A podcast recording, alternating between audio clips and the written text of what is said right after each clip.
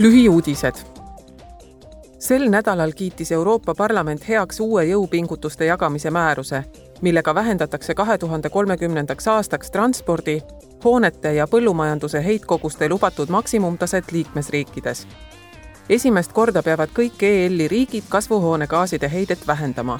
eesmärgid on vahemikus kümme kuni viiskümmend protsenti liikmesriikide kahe tuhande kolmekümnenda aasta eesmärgid põhinevad SKP-l elaniku kohta ja kulutõhususel. jõupingutuste jagamise määrus on osa paketist Eesmärk viiskümmend viis, mis on EL-i kava vähendada kooskõlas Euroopa kliimamäärusega kahe tuhande kolmekümnendaks aastaks heitkoguseid vähemalt viiekümne viie protsendi võrra võrreldes tuhande üheksasaja üheksakümnenda aasta tasemega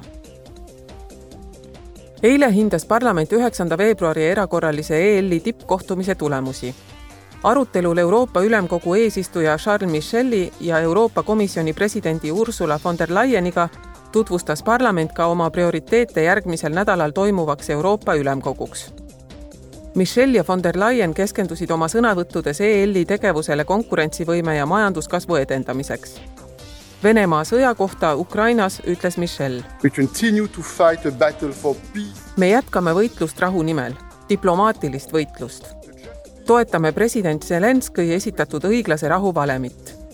see põhineb ÜRO põhikirjal ja rahvusvahelise õiguse järgimisel ning me teeme kõvasti tööd, et koondada rahvusvaheline üldsus rahupüüdluste taha.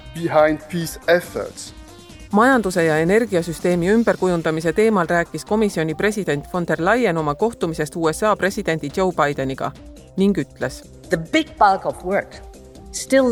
Euroopal on veel suur töö teha meie, eurooplased, peame saama paremaks ja edendama oma puhta tehnoloogiaga tööstust. me peame seda kiirendama. peame menetlusi lihtsustama ja tagama parema juurdepääsu avaliku ja erasektori rahale. Strasbourgis tähistas Euroopa Parlament rahvusvahelist naistepäeva. sõna võtsid Nobeli rahupreemia laureaat iraanlanna Shirin Ebadi ning Itaalia astronaut ja ISS-i komandör Samantha Cristoforetti Euroopa Parlamendi president Roberta Metsola ütles. isegi meie liidus jääb sooline võrdõiguslikkus saavutamata seni, kuni meestele ja naistele ei maksta võrdse töö eest võrdset tasu. praegu on iga teine naine kogenud seksuaalset ahistamist. on aeg, et Euroopa Liit näitaks eeskuju ning kehtestaks normid naistevastase vägivalla kriminaliseerimiseks parandaks õiguskaitse kättesaadavust ja ratifitseeriks Istanbuli konventsiooni enne parlamendi praeguse ametiaja lõppu. doktor Ebadi ja komandör Cristoforetti rõhutasid mõlemad naiste rolli ühiskonnas. Nobeli rahupreemia laureaat rääkis ohtudest, mis Iraani naisi nende igapäevaelus ähvardavad